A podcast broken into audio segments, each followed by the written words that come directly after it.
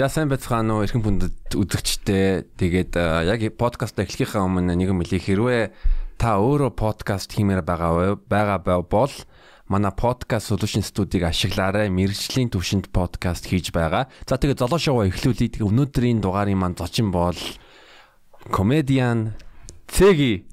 Yay, сайн байцгаана уу? Залаа шоуд орж байгаадаа баяртай байна. За би Цэгид урилга хүлээж авсан маш их баярлалаа. Цэги бол миний одоо хамгийн дотны найзын нэг тэгээс найзтайгаа сайхан яриа өрнүүлнэ гэж бодож байна. Аа. Одоо миний бүх юмыг мэдчихэж одоо юу ярих юм бэ? За.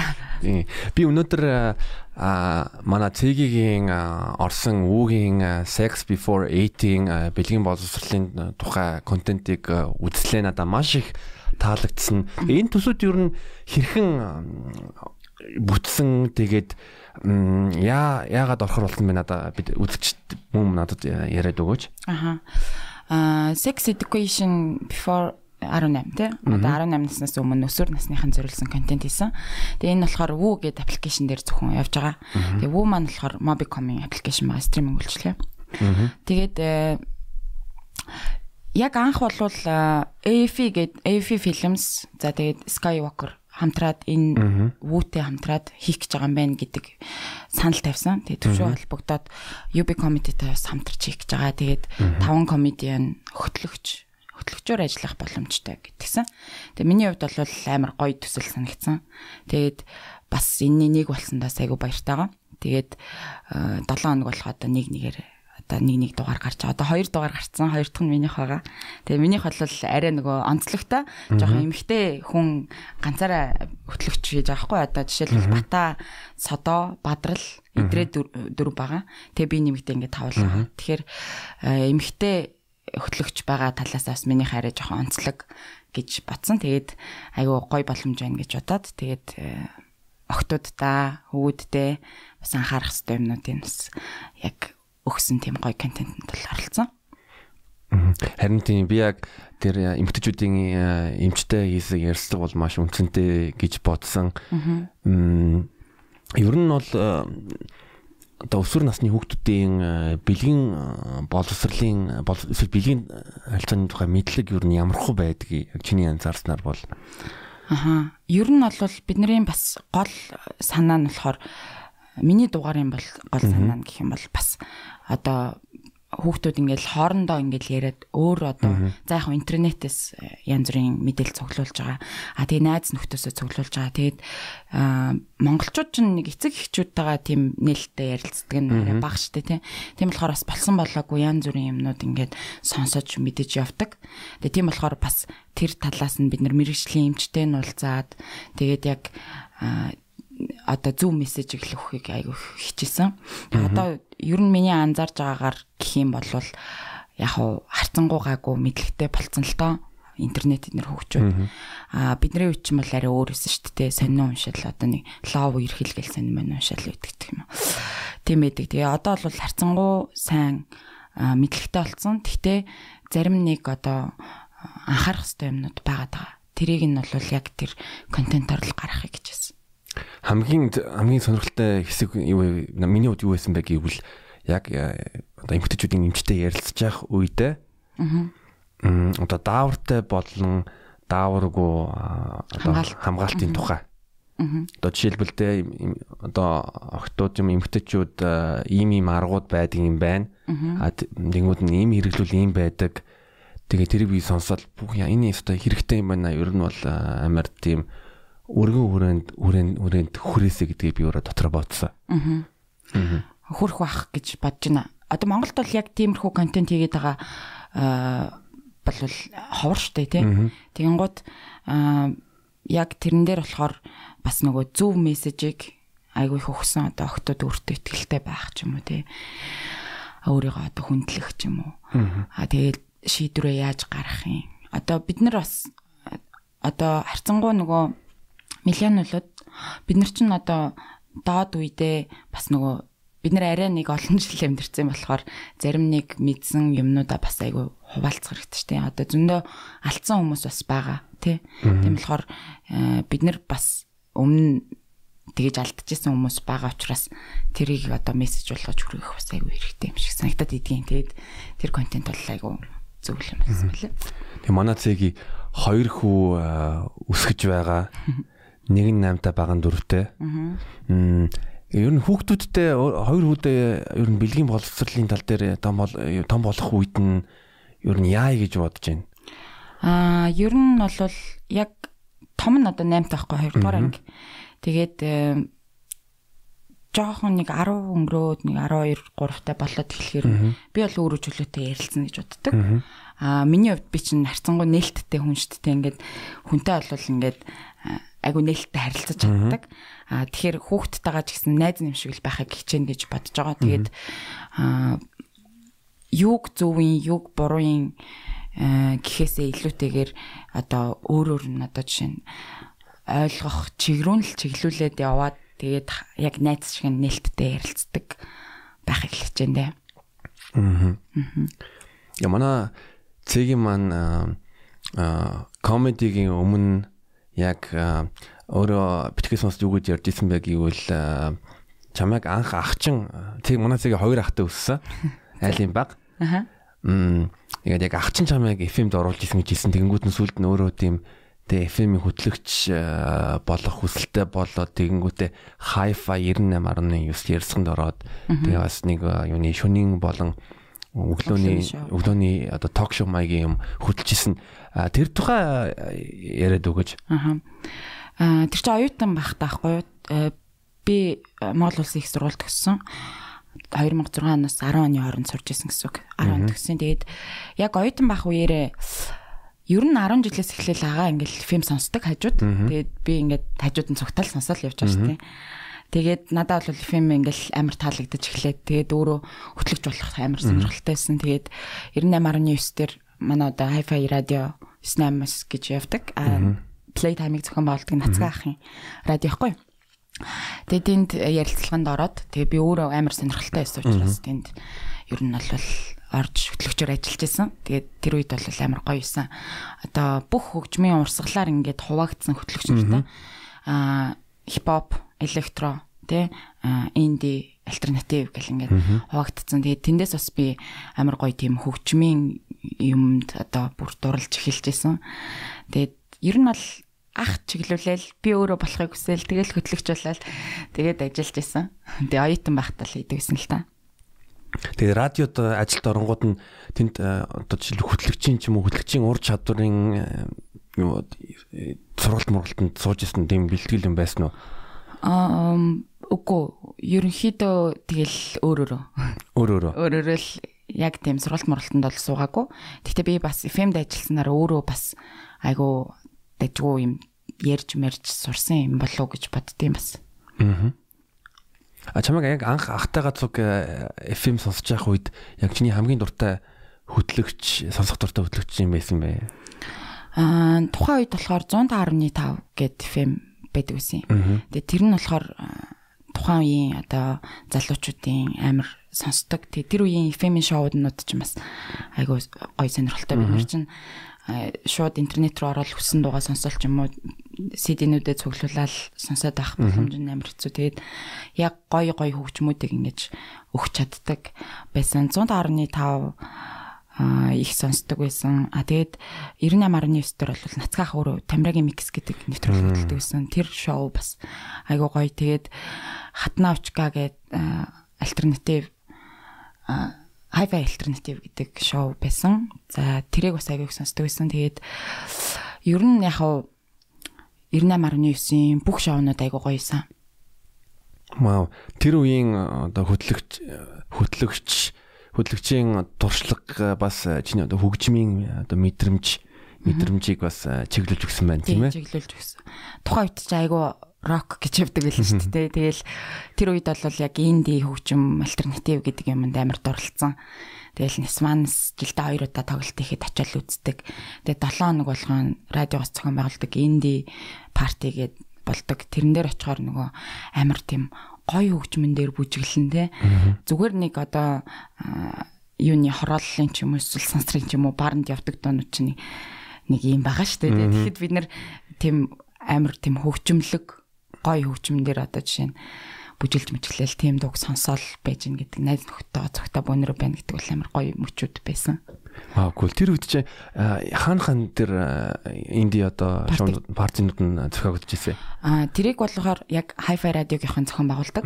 Тэгээд 5 дахь өдөр болгон бид нар айгу олон газар хийдэг байсан. Одоо аа UB Paddle-ийн тэнд нэг юм шалан хөдөлдөг нэг клуб байсан. Маск гэдэг үйлчлэл явуулаа. Нэрээ нас мартчих тэнд э, Red Balcon ч үл 2 давтан ч үл айгу олон газар хийжсэн.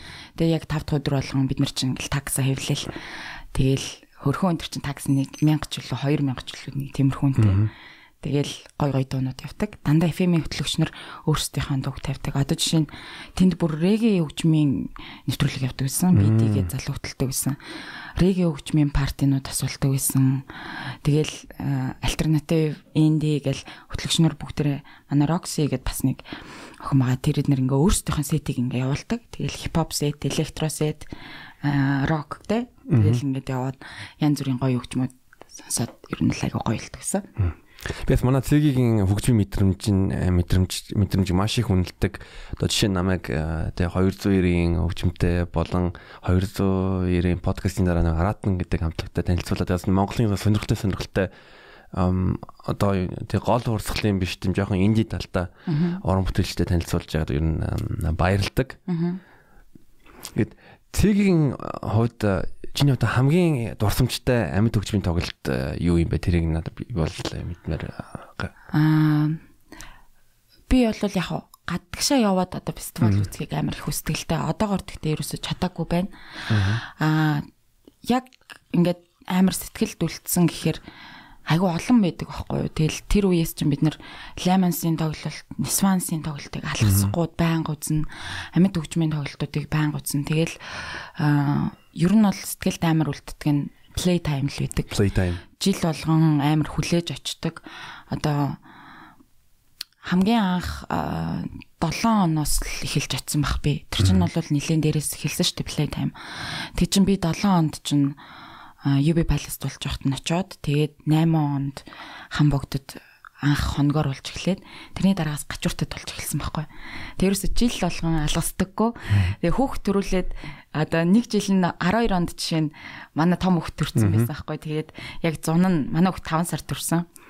Тэгэл зун нь хүүхд дөнгөж 1 2хан сартай байхад нь би ээжигээ дагуулад, нөхрөө дагуулад, хүүхдэд дагуулад бүгд хажиж байгаа хгүй тийснэ. Хажууд нэг амралтан дээр ээжиг хүүхдтэйгээ цогөлтөж байгаа зэ. Хэрэг болонгот би ирээд одоо хөхөл мөхөл ингээл тэгэл тэгэж ээжиг байлгангуудаа нөхөр бит хоёр тоглолтоо үзэж мүзэж явж исэн. Гэтэ яг яг тэр жил бол хоног л те. Аа тэгэл тэрний дараагаас одоо жишээ нь хамгийн сүүлийн жилгэн гууд өнгөрсөн жил 100 би жишээ нь хоёр хүүхдээ аваад утсан. Тэгээд ер нь хүүхдүүдтэй ч гэсэн багаас нь бас нэг юм юм байдаг мэдэг те тийм хөгжмийн бас мэдрэмж эднэрийг бас үлдээх хийсэн гэж айгүй хүсдэг. Яг тэгэхээр миний амьдралд бол хөгжим амар одоо хамгийн л гоё зүйлүүдийн нэг тийм болохоор дэлжил болгоно. Play time л амар сэтгэлд үлддэг юм да ер нь бол. Зөө зөө за тэгээ дараа жилийн play time дээр нэг гоё амьд төгжмийг мэдрэм мэдэрнэ. Аха. Тэгээд бас сүүлийн жилүүдэд нөгөө бид нар одоо асрууд дээр UB comedy-гийнхан яг нөгөө тоглолтоо хийж байгаа шүү дээ. Тэгээд тэр бас айгүй гоё байгаа.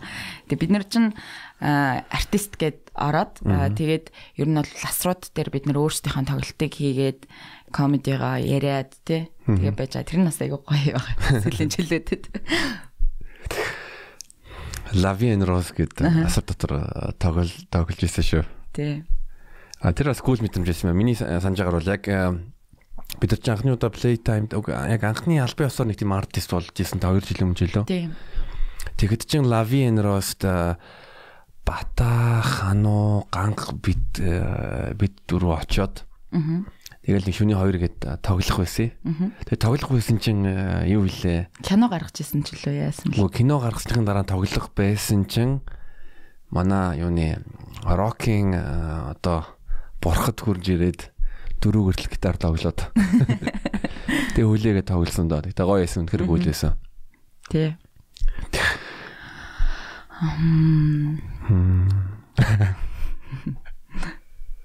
Тэгээд тэгээс одоо амьд хөгжмөөс жоохон өндөрөөд 2019-нд цэгийн бакпакаар найзтайгаа аялсан. Аа тий. Чи юу н хэр аялах дуртай хүн бэ? Тэгээд тэр тэр аялал аялын тухай хаалцж өгөөч юу яах гэж аялсан. За аялал гэдэг ярингот амар сони юм болон заяа. За Аа би ер нь бол аялах амар дуртай. Аа гэхдээ нөгөө тэр болгон боломж гараад идэггүй. Одоо яг энийг ингээд яриад эхлэнгүүт одоо аялал гарч байгаа маань бас нэг шалтгаантай гараад идэг.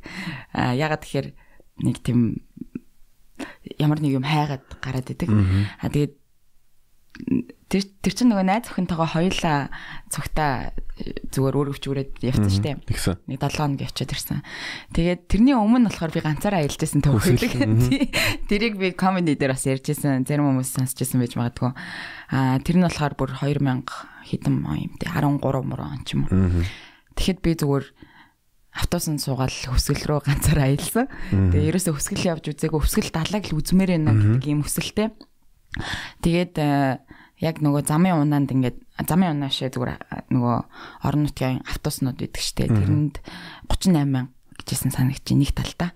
Тэгэл яг ингээл орой 8 цагт автобусандаа суугаад суугаагаараа 12 цаг ингээд автобустай явбал шууд өглөө нь мөрөнд очдөг байхгүй 8 цагийн үед. Тэгээ шүнэн болвол ингээл суугаагаараа явж байгаа штэ тэр чинь. Тэгээд өглөө нь очингуудаа цаашаага шууд татгал руугаа нэг амралтын газар очиод ганцаараа.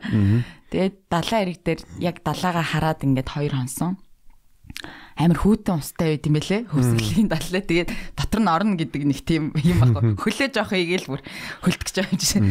Тэгэл хоёр онцол буцаал автосандаа суугаад ирчихсэн. Тэгээд бас нөгөө амар уртудаан авах цагаар нөгөө би чинь явах боломж айгүй их багтайгаа тэгэхээр хоёр хүүхэдтэй учраас тий. Тэгэхэд бол нэг хүүхэдтэй л та. Тэгээд сая сүүлийн айл дээр ч гэсэн би хоёр хүүхдээ үлдээгээд явж байгаа. Тэгэхээр айгу баг хугацаанд их юм үзчихсэн гэж үзчихсэн.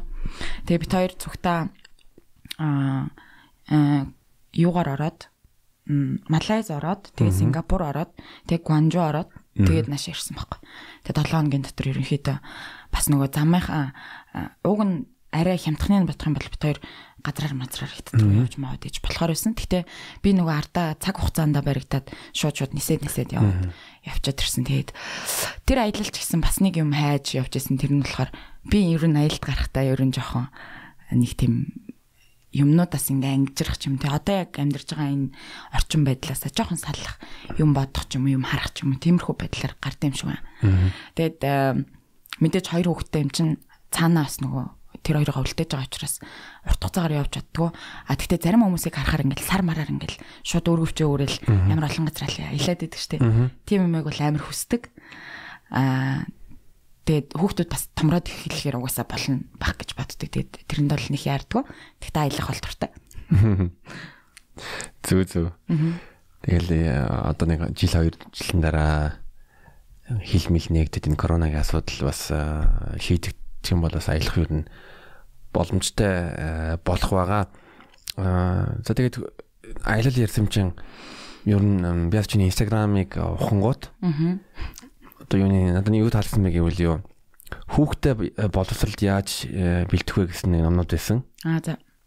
Чи юу хүүхдүүдээ хүүхдтэй болоод өөрөө яаж боловсрал авч исэн бэ тэгэнгүүт нь одоо ер нь хүүхдүүдэд яаж одоо хүмүүжүүлээд боловсруулъя гэж боддог. Чиний нь байр суурь юу вэ?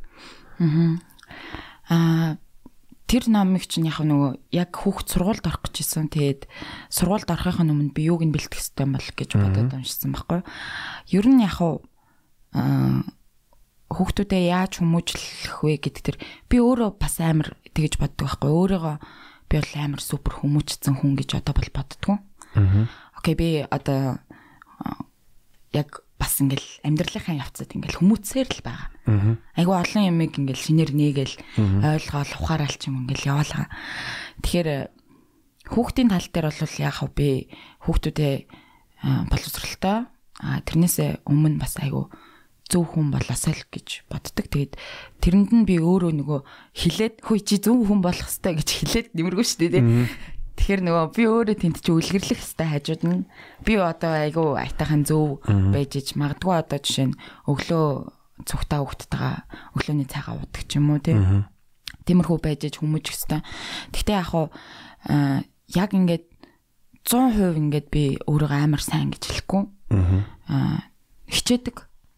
Тийм байхыг одоо айгу хажууд нь үлгэрлээд зөв байхыг хичээдэг. Тэгэл хэрвээ би ингээд зөв байх юм бол тэр хоёр маань үлгэрлээд зөв байна гэж боддог. Тэгээд хүүхдүүд бол юмыг нэг наанта цаанта ойлгодог. Тэгээд нэг юм зөв хүн л болчихсоо одоо нэг юу гэмтэй хүнийг ойлгодог тий хүнийг одоо хүнтэй нэлттэй ингээ харилцаж чаддаг юм.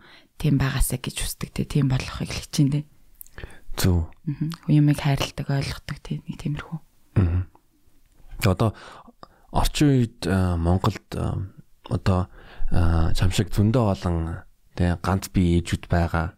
Тэгэхээр ер нь ганц бие ээж ер нь ямар ямар байдаг юм бэ? Тэгэнгүүтээ хүүхд хүмүүжил дээр бас ер нь тэр талаар яриад өгөөч. Бас нэг ёсны одоо жишээлбэл нэг 10 жилийн охтууд ч юм уу бас оюутан охтууд хүүхдүүд бас сонсдог болохоор тэр талаар би бас дурдъя гэж бодсон. Аа. За. Яг тэгвэл манай цэгийн одоо юуны вүүгийн 2 дугаар эпизодыг энэ дугаарыг нь үзэх юм бол тэнцээ чин жил болгон 4000 өсвөр насны охтууд өсвөр насны охтууд хүүхдтэй болдог. Тэгээд тэнгууд нь жил болгоно 13 мянган хүүхдүүд асуу одоо жишээлбэл ирээдүйн хүмүүжлэнд янз бүрийн асуудалтай бол инээс болдог. Тэгэхээр энэ тал дээр э, бас ярих гэж би бодсон. Маш чухал зүйл юм чаа. Аха. Аа яг Э, амьдрал ч нөө янз бүр шүү дээ. Одоо зарим хүмүүс бол одоо гэр бүл бүтэн ингээд байж байгаа. Зарим хүүхдүүд магадгүй нэг нь ээж нь байхгүй эсвэл нэг нь аав нь байхгүй. Хоёулаач байхгүй хүүхдүүд байж болно тий. А яг нэг э, single mom хүүхэд өсгөх эднэр гэдэг тал дээр бол окей. Угаасаа л амьдралд ийм байдаг учраас би бол хүүхдүүдтэй яг зүгээр ойлгуулах та аав нь байгаа ээж нь байгаа. Хоёлаа байгаа. Хоёлаа та хоёр тайртай. А тэгтээ ингээл цуг амьдарч чадахгүй байгаа. Иймэрхүүл нөхцөл байдалд байгаа л гэдэг юм ерөнхийдөө хэлдэг.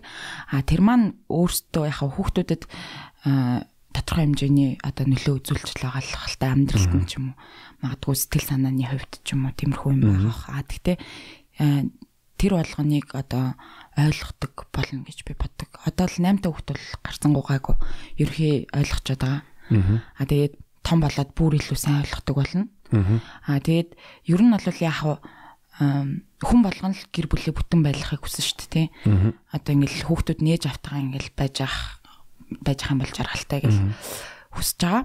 Аа гэхдээ янз бүрийн юм тохиолдож болно. Аа тэр болгонд одоо жишээ нь яг нэг хэсэгтээ бол хиндэ бол ингээл за яна одоо хүмүүс одоо юу гэх болж гэдэг юм уу те нэг тиймэрхүү мэмэрхүү бодлоод орж ирдэг юм билээ. Гэхдээ а одоо нэгэнт тийм болцсон юм чинь яг а хамгийн гол нь охид өсвөр насны охидуудад одоо хэлэх гээд байгаа зүйл нь юу вэ гэхээр а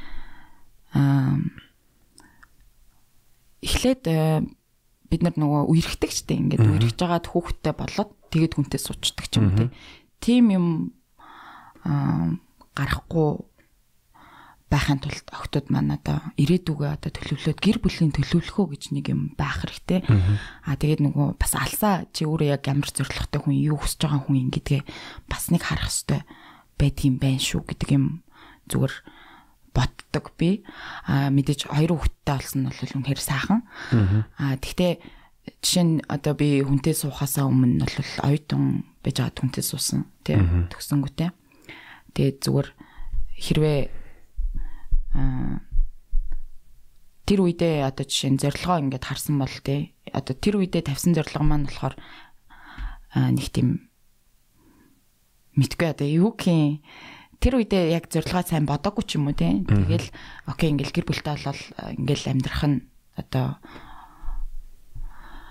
тэрнээс том том зориг морилго тавиагүй байсантай бас холбоотой байд юм болов уу гэж бас хардаг. Ер нь бол аа тэгээд нөгөө гинэн жоох охтууд чинь тэгээ нэг хүнд амар хайртай болчдөг. Тэгэл хүнтэй суучдаг. Тэг яг зорилгоо ч юм уу тэр юм аа нэг харах хэрэгтэй. Тэгэх юм бол а окей одоо охтууд бол хамгаалах мамгаалах бүх юм л мэдж байгаа байлгүй те. Аа. Ойлгогдож байна уу? Би тэгтээ сая амар замбраагүй шүү. Ойлгоо ойлгомжтой ойлгомжтой ярьсан. Би бол ойлгосон. Хөгтөд ч гэсэн ер нь ойлгох байх байхаа. Хэрвээ яг өөрийнхөө хүсэл нь амар гоё сайхан гэр бүл үүсгээд тэгээд ингээл амьдраад ажиллаа гээл ч юм ингээд амьдрах гэж байгаа бол тэгэл хайр тунтайгаа суух хэрэгтэй шүү дээ. Аа хэрвээ чи өөрөө магадгүй би ингээд амар том амжилтанд хүрэн ч юм уу тэр хүний тавьж байгаа амжилт чинь янз бүр байхгүй тий. Нэг нь сайхан гэр бүл гэдэг амжилт байж болно. Нэг нь талтаа одоо юу ч гэдэг өөрийнхөө туртай амиг хийгээд амар амжилтанд хүрэх ч юм уу янз бүр байхгүй. Тэгэхээр тэр амжилтаа зорилгоо ч юм уу тодорхойлох гэдэг юм амар чухал юм шиг санагдсан. Тий. Зүг. Тэг би яс ер нь анзаарангууд нь манай нийгэмд ер нь бол багахгүй ганц би ээжүүд байдаг. Би тэгэд нэг осны маш их одоо бахархдаг эсвэл амар амар дайчин бүсгүүчүүд гэж боддог. Ягаад гэвэл тий. Ганцаараа ажил хийгээл тэгэл хүүхдүүдэд өсгөөл. Тэм зөндөө болон одоо кейсүүд байгаа. Тэнгүүд нь ер нь эрэгтэйчүүд нь салангуудаа ер нь хүүхдүүдтэй хэр яадаг юм бол дэмждэг юм бол ян зур тэгэл кейс болгон өөр бага бах. Тэгээ нөгөө дийлэнхийн бодох юм бол ер нь ямар байдаг юм бол яг бас бас эцэг гэдэг үүргээ хариуц хариуцдаг юм болов. Тэр хоёр хүмүүсээс шалтгаалдаг бах. Одоо жишээлбэл ээж нь жишээ нь хүүхдүүдээ эцэгтэй нуулзуулж нуулзуулахгүй уу? Эсвэл магадгүй шүүхэр шийдвэр гараад тодорхой цаг заагаад өгдөг ч юм уу юу гэдэг чинь. А ер нь бол ихэвчлэн аав нар нь бол хүүхдүүдийн тэтгэмжийн мөнгө гэж бол өгж байгаа бах. А тэгээд ээж нь уулзуул нь уулзахгүй гэдгээсээ хамаарат хүүхдүүдтэйгээ уулзж байгаа бах. Би бол зүгээр хүүхдтэй банк лавтын уулзал уулзалт гэл та. Тий. Зөө зөө. Одоо тэгэхээр хүүхдүүд ярьсан болохоор бас нэг мэдгдэл хэлье. Тэгвдээр Dkx гэдэг подкаст хамт хийх гэж байгаа. Тэгээ тийм болохоор яг видео description дээрээ бол Dkx гэдэг манай YouTube channel-ийн линкийг тавина тийм болохоор тэр тэрэн дээр subscribe дараарай. Ер нь бол амар сонирхолтой контент гаргана Чи юу би чамд анх энэ санааг ярихад э, чамд юу ямар хөө санагдсан бэ? Аа, ер нь яг би өөрөө нэг подкаст ч юм уу ямар нэг юм хийх юмсан гэж бодож исэн. Тэгээд аа золоо надад санал тавихад бол амар одоо гоё санагдсан. Тэгээд окей хоёлаа хий гэд. Тэгээд э, золоо бит хоёрын хувьд чинь амар сайн найзуучтай одоо ер нь бол байнга ингээл э, би биндээ шин мэдсэн сурсан юмнуудаа зааж өгцгөөг л те. Тэгэл одоо жишээ нь комеди дээр манай залууч нь өөрөө надаа ингээл зөвлөхөөгөл энэ жоко ингүүл ингүүл зүгээр гэл би ч гэсэн одоо залууг жишээ нь монголоор хайлтлаа. Тэгэж подкастн дээр тгээ ярьсан чинь тэгэж буруу ойлгогдоод байна. Тэр үгээ тэгэж хэрлэх хэрэгтэй хэрэгтэй гэл тэгдэг ч юм уу. Тэгээ битэр би бинийг айгуу сайн ойлгодог учраас ер нь энэ подкастаас айгуу айтахан гоё болох бах гэж харж байгаа. Тэгээд хүмүүс яг ингээл янз бүр юм ярьдаг шүү дээ ингээл одоо би нөгөө комент момент нь ч амар ач холбогдлоо шүү дээ. Тийм гот жишээ нь эпизод 5 мав дээр чинь цэг энэ одоо сексэс өөр юм ярихгүй юм бодохгүй юм матахгүй ингээл бичиж хичээлээд. Үгүй шүү өөр юм боддtiin. Гэхдээ тим юмны контент хийх гэж байгаа. Тэр бас тэгээд хэрэгтэй гэж бодож байгаа. Ягаад тэгэхээр түрүүн би нэг хэлсэн шүү дээ. Бидний үед зүгээр сонирхол байсан.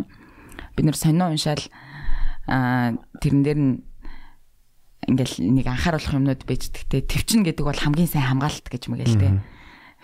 Төвчих бол хамгийн сайн хамгаалалт мамгаалт. Тэгэнгүүт ингээд захиа очил хүмүүс би нэг хүүхдэд сайн болцсон чинь тэгсэн ингэсэн ингэсэн гэл хүмүүс захиа очсон. Тэрийг бид нэр уншаал нөгөө сонингээр дагцсан хариуллаа л тэ. Тэгээ тиймэрхүү юмнуудыг уншиж уншиж одоо байдаг гэсэн. Тэр бидний хувьд амар сонирхолтой зүйл байсан байхгүй юу? Ялчгүй тэрийг сонирхол ингээл уншдаг л байсан. Тэгээд нэг талаасаа тэр чинь зөв одоо хэрэгтэй юм бас өгчл байгаа байхгүй. Яагаад тийм подкаст байж болохгүй гэж те. Тий. Одоо тэгээд бас тийм хийж байгаа хүмүүс ч гэсэн нэлээд олон болж байна. Аа. Тийм болохоор хоёр э, сайн найзуудын э, бас нэг сонирхолтой сэдвээ сэдвээр э, подкаст болно. Тэгээд тэрний бас нэг онцлог юм гэвэл яг үзэгч нартайгаа хайрцсан. Ягаад гэвэл бид нар бас мэйл хаягтай байгаа тэр мэйл рүү өөрсдийнхөө асуултуудаа явуулаад а мөн бас бид нар мэрэгжлийн салбарын хүмүүс ураад бас яг тий хөгжилтэй байхаас илүү бас мэдлэг хуваалцах сонирхолтой байгаа. Тийм болохоор хамтдаа хөгжилтэй суралцъя гэж бодож байна. Post бас намайг юу н 13 14 тахад браво гэж хүүхдүүд одоо өсвөр насны сэтгүүлээс нэгж янз бүрийн хөгжмийн одуудтай ярилцлагууд мэдээ янз бүрийн хувцсны тухай мэдээлэл тэгэнгүүт нь тэнцэн бас нэг хоёр нэг нэг эрэгтэй нэг эмэгтэй хүн биш ээ. Аа. Одоо тий ярих юм бол тий батагаас асуулт асуу одоо эмэгтэй нар юу инхмагаас асуултаа асуу тэгэнгүүт нь эрэгтэйчүүд нь эрэгтэй хүүгүүд хүүгүүд бол тэр тэр батагаас нь асуулт асуугаад нөгөөдг нь хариулдаг. Тэгэнгүүт нь тэг инхмагаас асуунгууд нь инхма эмэгтэйчүүдийн тухай асуулт октодын асуултан дээр асуудаг. Аха. Тэгэхээр бит хоёрын хувьд бас нэг онцлог нь тэр байгаа. Эхтэй эмхтэй хоёр хүн байгаа гэдэг нь айгу онцлог болно гэж бодож байгаа. Зүгээр хоёр найз охин ярьж байгаа биш. Нэг нь эрэгтэй талаас нь, нэг нь нэмэгтэй талаас нь бас нэг хараад ярилцах те. Эсвэл одоо бас Үгүй охтуудад ийм асуудал, хөвгүүдэд ийм асуудал гэдэг талаас нь бас харах болов гэж бодод та тий. Харин тий би биенийхээ одоо жишээл би өөрийнхөө үзэл бодлоо ярингууд нь тэр одоо эрэгтэй хүмүүсийн бодолтой нийлж мангадгүй эрэгтэйчүүдэд төлөөлөөд. А нөгөө тэгвэр цэгийн эмэгтэйчүүдийн тэ талаас нь талаас нь яриад тэгэнгүүт нь хоёлаа тэр талаар нь ярилцаад бодоод энэ юм байдаг шүү тэр тийм байдаг шүү. А тэгэнгүүт нь яг мэрэгжлийн гоо жишээлбэл эрэгтэйчүүдийн эмч ч юм уу эсвэл эмэгтэйчүүдийн эмч ярангуудаа тэрийг бас шинжлэх ухааны одоо биологи химийн талаас ярина шүү дээ. Тийм. Тэгээ бит хоёр амар лаг мэдлэгтэй дээч биш те. Ерөнхийдөө яг тэр хүмүүстэй бас цугтаа хамтарч ингэж бас гоё мэдээлэл эднэр хүсэн. Гоё юм хийнэ. Тэгээ гоё юм энэ гоё юм энэ авэрсмэс бас тэ мэдлэг мэдлэгтэй болно. Бас зүгээр одоо нэг тийм тэ Facebook постны дагуу юм уу шигдэг мэгдэг гэдэг үлгэр мүлгэр яриад. Гэтэ бас хөгжилтэй байх бас badна. Аа маш хөгжил хөгжилтэй э, подкаст болно. Өөрөөс өөр бидээс юу асуух гэсэн мөлий. Ер нь чи хоёр ахтай өссөн. Одоо тэгээ хоёр хүүхэд э, хоёр хүү өсгөж байгаа. Тэгээ хоёр ахтай өссөн болохоор ер нь э, одоо хүү өсгөх илүү чамд амар санагддаг мэдгүй одоо өмнө өсгөж үзээгүй болохоор тэгэл хоёр хүү төрсэн болохоор тэгэл өсөхөөс аргагүй а нэг тийм охин байвал амар хүү байвал амарт гэдэг юм угаасаа байхгүй бах. Хүүхэд өсгөн гэдэг чинь миний хувьд бол амар амар одоо чухал тэгсэн мөртлөө хэцүү тийм одоо зүйл юм элэ. Тэгэл одоо ингээл танилцаал явж л шүү дээ. Бас суралцаал явж л байна. Аа одоо жишээлбэл хүүхдүүдийн сэтгэл санаа манаа эсвэл эрүүл мэнд те боловсрол ингээл зөндөө олон юмд ингээд санаа тавих хэрэгтэй. Тэгээд би тодорхой хэмжээний амар том үүрэг хариуцлага өөр дээрээ одоо авцсан байгаа гэсэн үг шүү дээ. Тэгээд э, яг хоёр ахтаага өссөн болохоор хөвгүүд бол угаасаа ийм байдгийн тийм байдгийн гэдгийг одоо мэднэ гэдэг ч юм уу. Тийм бил биш бүх юм шинээр ингээд би бол хоёр ахыхаа дүүнэж үтсэн. Тэгээ хоёр ахтаа ингээл тэр хоёроос амар үлгэр жишээ аваад ч юм уу тэгэж байдаг байсан. Тэгээд одоо би бас боддیں۔ айлын том хүүхэд нь одоо жишээ дүүд бол бүх юмыг л зааж өгч байгаа. Яг дүүрээд гэлээ мэлээ л тэ. Тэгээд ер нь бол э, бүх юм шинээр ингээл суралцаал явж лээ тий. Найзгаа уучлаа. Найз нь амар тэ утахгүй асуулт асуучихлаа яг л зөв яриа шиг. За зүгээр. Тэгтээ чиний нэг амар постнод амар хөөрхөн байсан. Нөгөө багасаа энэ хідин тоо гэж асуусан чинь ахын туслах гад нөгөөх нь хоёр гар ингээ яасан чинь энийг нь 5 5 гэж Энэ хідэн одоо хідэн хороо байна гэдэг чинь. Уг нь 10 шүү дээ. 5 5. Тэгэд Йоо танаа хоёр багыг харангууд нэг амар тийм игдүүтэй. Би бол ер нь амар хөөхт дуртай л да. Амар игдүүтэй ялангуяа багш нэг тийм жижигхэн нэг тийм том хатартай. Надтай амар адилхан. Харин тийм чамтай амар адилхан. Харин Ер нь чиний ер нь байр суурь юу ягаад гэвэл чи намайг мэдэн штэ би бол өөрөө тэгээ нэг 40 гарангуудаа нэг мөндөө суугаад хөөхтэй болоо гэж бодож байгаа. Өөрийгөө ер нь нэг тийм төлөвшөөгүй бэлэн биш гэж бодож байгаа. Дээрс нь би одоо хэрвээ гэр бүл байгуулах юм бол ер нь гэр бүлтэй нэг цаг зав гарах гарахгүй байх талдаа гэж ер нь бодоод бодоод байгаа. Аа. Тийм яг уу тэгэл гэр бүлтэй болоод одоо бас нэг тэр чинь хариуцлага ирчихэж байгаа шүү дээ. Одоо айлын ихнэр байх. Эсвэл айлын нөхөр байх тий. Эсвэл хин нэгний ээж аав байх гэдэг хариуцлага дээр очиж байгаа шүү дээ. Тэгэхээр нөгөө тодорхой хэмжээний зарим нэг зүйл чинь ингээд хязгаарлагдаж эхэлнэ. Тийм болохоор одоо би бол тэгэж боддیں۔ Одоо ингээд залуу амар эрт хүнтэй суухаар э, чи одоо жишээ нь нэг том зорилготой байвал тэрэндээ гаргах цаг чинь мэдээж одоо тал нь байхгүй болно гэсэн үг. Үйлцнийг гэр бүлдээ зарцуулах хэрэгтэй байхгүй. Тий тэнд үүрэгтэй хариуцлагатай байх хэрэгтэй учраас тэгэхээр тэрийг айгуу сайн бодож байгаа одоо шийдвэрээ гаргах хэрэгтэй юм шиг санагддаг. Одоо хэрвээ би энэ хүнтэй суух юм бол за би одоо сурна гэж бодож исэн бол эсвэл ажиллана гэж бодож исэн бол тодорхой хэмжээний юм хийнэ гэж ботцсон байсан бол тэрний чинь цаг нь ингээ багсаа шүү гэдгээ амар сайн бодох хэрэгтэй. Аа хэрвээ окей хоёулангийн ингээд амжуулж чаднаа гэдгээ мэдж байгаа ч юм уу те. Тийм бол эрт сууж болно. Окей. Хувь хүн болгоны л тэр чин төлөвлөгөө байхгүй тий. А тэгтээ мэдээж гэр бүлтэй олсноор бид нар одоо хүмүүс одоо ингэ нэг нохоо мохоо тижих бол ингээл амар гоё гэл ингээл бодол зүгээр сэтгэлийн хөөрлөөр шууд ингэ нохоо аваад тижиж иддэг штэ. А гэтэл тэнд нөгөө нэг хариуцлага эзэн байх хариуцлага нь гарч ирдэг штэ. Одоо чинь нохоогоо салхилуулах хэвээр, хоолыг нэг өгөх хэвээр, усанд оруулах хэвээр, тариаг нь хийлгэх хэвээр гэдэг ч юм ингээд тиймэрхүү юмнуудаа төлөвлөж одоо нохоо тижих хэрэгтэй шүү дээ. А тэнгууд манай одоо хүүхдүүд тэгдэг байхгүй юу? Гэртээ муур авмаар байна. Гэртээ муур тижимээр байна. Одоо нохоо тижимээр байна гэдэг. А тэнгууд би бол амьтан тижихийг болвол гоё гэж боддог. Ягаад тэгэхээр хүүхдүүд тэрийг чи хайрлна тий халамж тавина. Тэндээс амар гоё юм сурна. А тэгтээ нөгөө талд хариуцлага байгаа байхгүй. Тэгэхээр би бүр амар жоох хүүхдэд бол жишээ нь зүгээр тоглоом авч өгч байгаа биш байхгүй. Тэр чинь бүхэл бүтэн амьд тий тэрийг хайрлна, халамжлна яг л сэтгэлээ гаргаад өвдчихгүй зовчихгүй гэл ингэн яг нэг хүүхэдтэй хэлж байгаа юм шиг те. Тийм болохоор тэрийг нөгөө айгу бодож байгаа шийдвэр гаргах хэрэгтэй гэж боддог. Тэгээд э, тэрэн шиг тэгтээ амар сонин жишээ авцсан бол сарай. Тэрэн шиг хүнтэй суухаар одоо жишээ нь тэр хүнд цаг зарцуулах хэвээр гэр бүлтэй цаг зарцуулах хэвээр тэр хоёр хүний зориг зүгтаа нэгтэй харж авах хэвээр тэгэхээр өөрийнхөө өөртөө гэсэн цаг хугацаанаас чинь тодорхой хэмжээний цаг хугацаа гэр бүлд зарцуулагдах учраас тэрийг бодох хэрэгтэй юм шиг байгаа юм. Тэгж бодож байгаа. Харин тий нөгөө нөгөө нохоогоо тэ аймаар тэ гой гой санагддаг болохоор нохоогоо авангууд нөгөө нохоон жихэн нохоо амьдрал үтцсэн тэ нохоо амьдралаар амьдраад манай дүү яг тэгсэн штэ манай баг дүү нэг 3 настай хата муур муур авъя гээд. Тэгээ муур авч гисэн чинь нөгөө би би би амар эсэргүүцэж хийсэн. Ягаад гэвэл тэр муурыг чин тий хооллох ёстой. Одоо тэр юуг ин тоглуулж моглуулна, эрхлүүлнэ. Тэр бааз шийсийн цэвэрлэл цэвэрлэгээс авахуулаад тэгэл 3 настай хүчин тэрийг чадахгүй шүү. Чадахгүй шүү. Яаж ерөөсө бодохгүй төсөөлөөс нь байхгүй.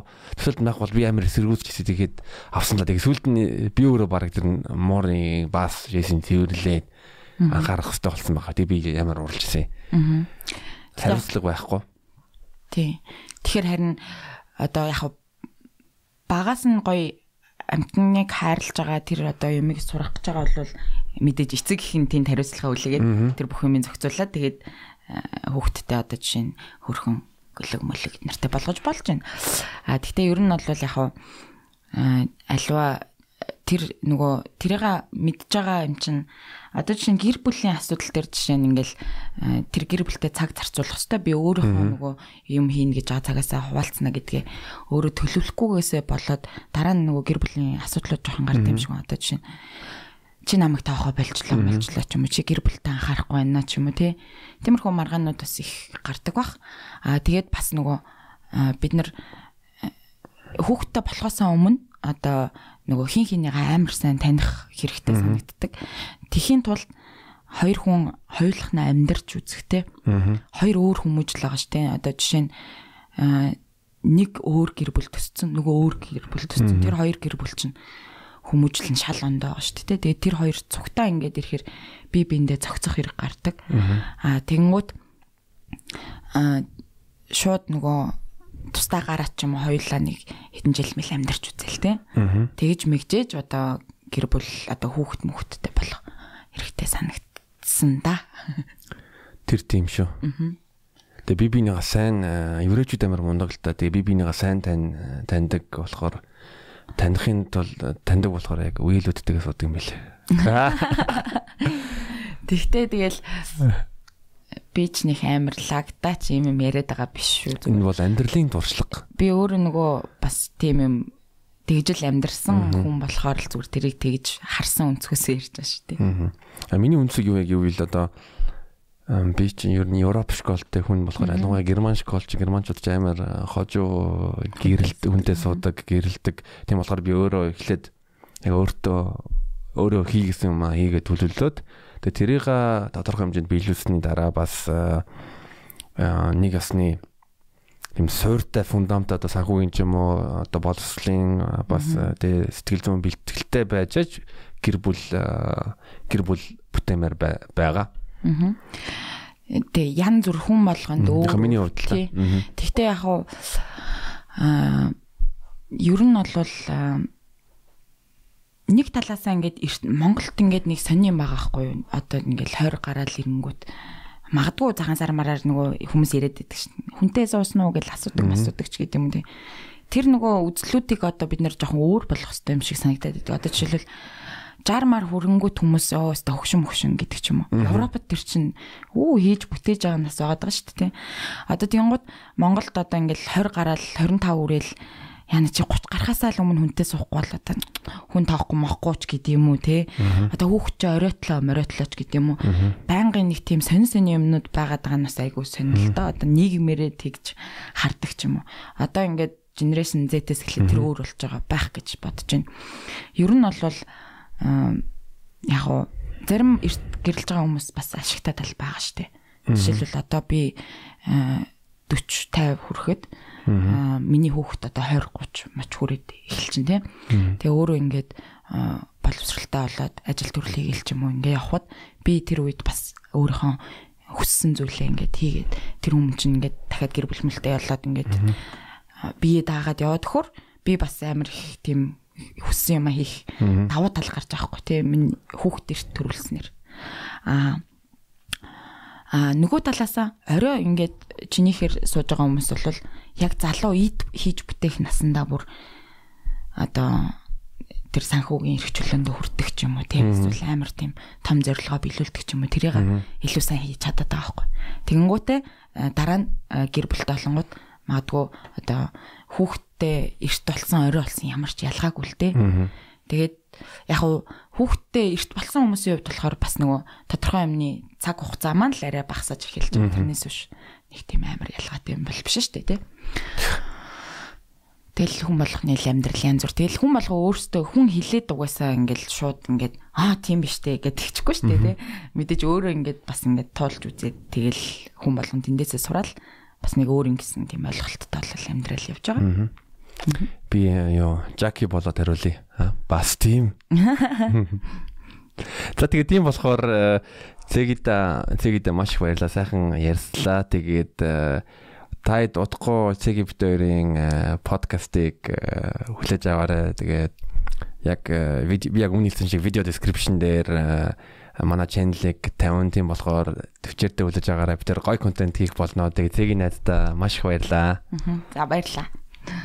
Би тэгээд сүүлд нөгөө яргаа захсын шоуг үзэж байгаа. Би ер нь зоологийн подкастыг амар үздэг шүү дээ.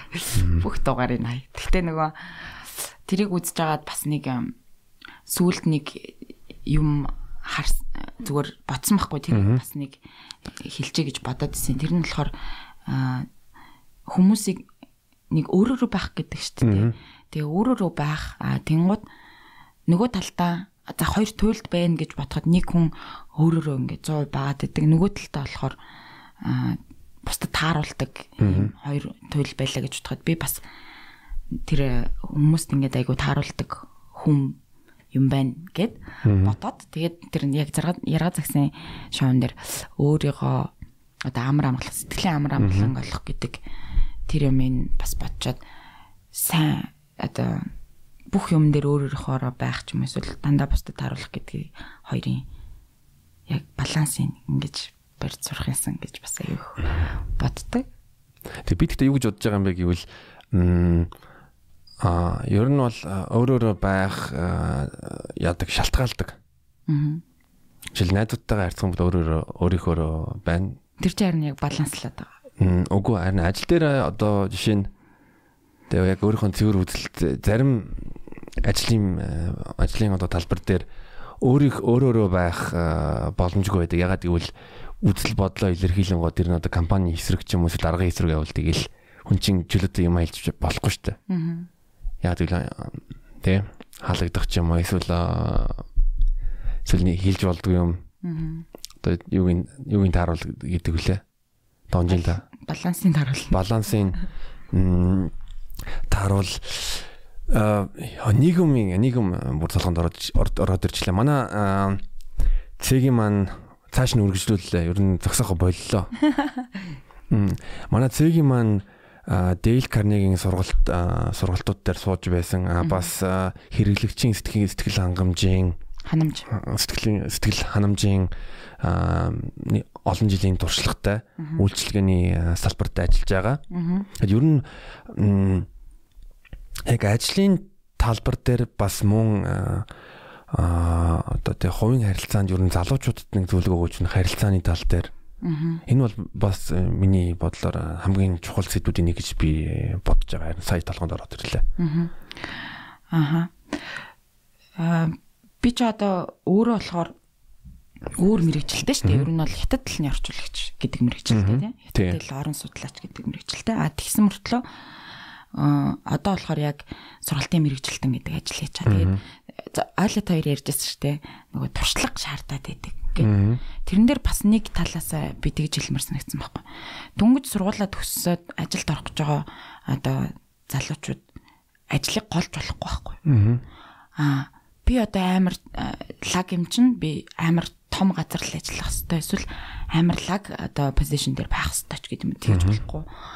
А яг яг тиймэрхүү юм байж болно л та тохиолдол байж болно. А тэгтээ нөгөө эхэндээ ерөөсөө юм голохгүй байх хэрэгтэй байхгүй. Тэгэл аа би бол анх үйлчлэгийн ажилд хийжсэн. А тэгэнгүүт нөгөө хүмүүстэй харилцаж эхлээд а ямар хүнтэй яаж ярих хэрэгтэй юм бэ гэдэг юм а сураал тэр чин миний амьдралд ингээд цаашаа бүр амар том сургууль болж эхэлж байгаа юм тий. Тэгээ нөгөө сургуулаа төгсчөөд нэг дадлага хийж байгаа чи дахиад сураарай гэсэн шүү дээ. Тэгээ би одоо яг тийм хүсэлтэй байгаа.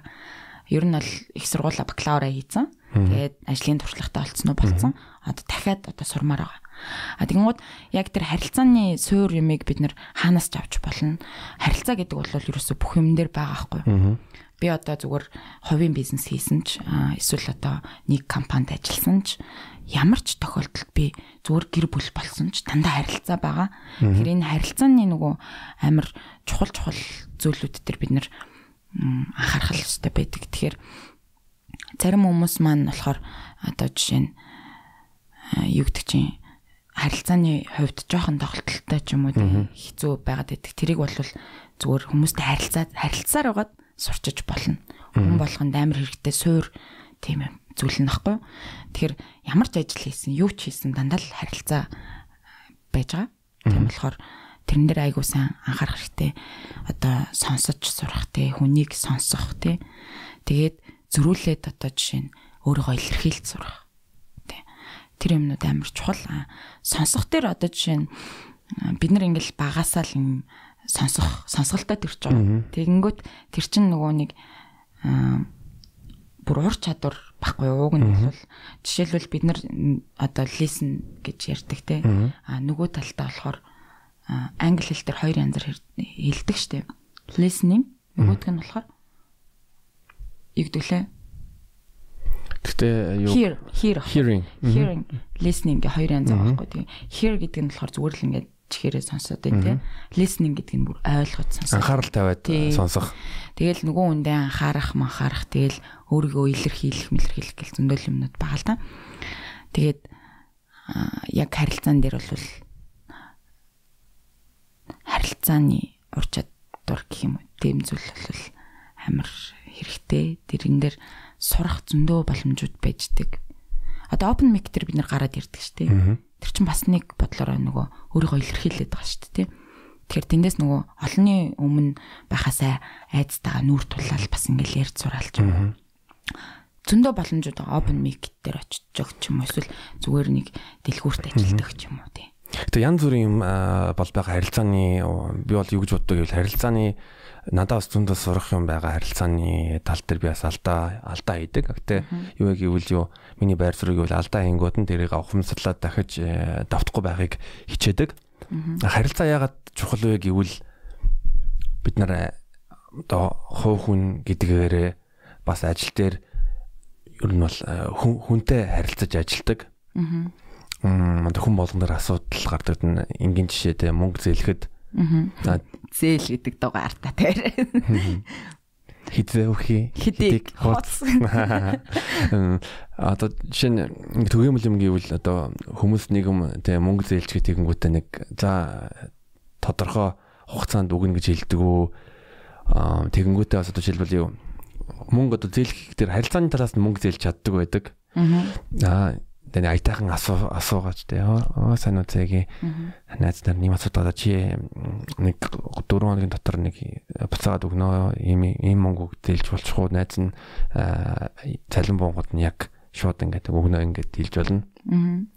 Тэнгүүт зарим хүмүүс чинь яг бүр гойлог гууж байгаа мөртлөө тэрийг яг аятайхан нөгөө нөгөө одоо хүнийг өөр зөвшөөрүүлэх зөвшөөрөл тал дээр бодохгүй зүгээр нэг тийм албатай юм шиг албатай юм шиг гэж байна. Э тий чиний дуун дээр угаасаа би үзэл бодлоо саналаа угаасаа хэлжсэн шүү дээ. Угаасаа чиний яг нөгөө өөрөө чинь амьдралд барьдаг үзэл бодол эднэр чинь яг тэнд явж байгаа хгүй. Тэнгууд Монголд болохоор зарим хүмүүс аа заа сүртэй тий. Эсвэл чи надад зээлэх ёстой гэж амар албатай юм шиг харилцаад идэг те. Тэгэнгүүтээ бас одоо жишээ нь буцаагаад өгөх болохоор нэг хоногтоо өгөөг бол өгөн гэсэн хоногтоо өгөөг бол засвартай шүү дээ ганц нэг хоног мон гэж боддог ч юм уу те. Тиймэрхүү юмнууд байгаад идэг. Аа тэрийг уг нь бид нар ямар ч асуудал байсан харилцаагаар зохицуулж болж байгаа хгүй. Би чам руу зүгээр ингээд окей найз нь өнөөдөр өгнө гэж хэлсэн. Тэгтээ чадахгүй нэ. Найзд нь ийм юм тулгараад байна. Би чамд маргааш болох уу? Нөгөөдөр болох уу гэд ингээд харилцах юм бол чи окей намайг ойлгох байхгүй. А гэтэл нөгөө гаргаж байгаа зан харилцаанд жоохон буруу те. За ганц цан өсвөртэй тий ганц үлдэгэлээс би тэгэл олол өгч штэ ч юм уу тий Тиймэрхүү байдал маань ингээд нөгөө чиний одоо үзэл бодолтой зөрчилдөд яваад байгаа Тэгээ монголчууд ер нь бас тиймэрхүү юм ихтэй байдаг юм аа. Ер нь тэгэхээр нөгөө бас харилцааны л жоохон доолдол уг нь ямар ч асуудал байсан бид нар харилцаж шийдэж чадна. Яагаад дээр үес хүн хэлээрээ мал хөлөөрөө гэдэг үг байгаад идэх тий. Ярилцах юм бол ер нь юм юу ч шийдэж болдог л байхгүй тий. Тэгээд зарим хүмүүс сайн ярьдгүй юм аа. Сайн. Ярих асуудал. Тийм байгаа. Тэгээ тийм болохоор та бүхэн 100 долларын үнэтэй цэгийн харилцааны тухай онлайн сургалтанд суугаарай.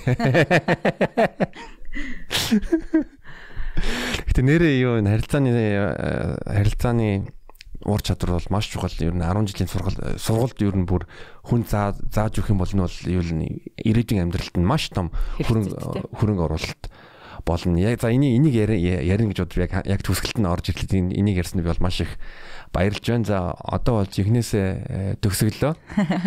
Тэгэхдээ маш их баярлаа. Аа ажил үйлсэд нь бүх юмд нь үргэлж амжилт э, хүсдэг сайн сайхныг хүсэн өрөөдөө тэгээд э, сайхан ярилцсанд найздаа маш их баярлаа.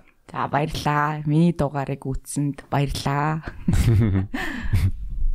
За тэгээд муухай комент битээ ичээрэй.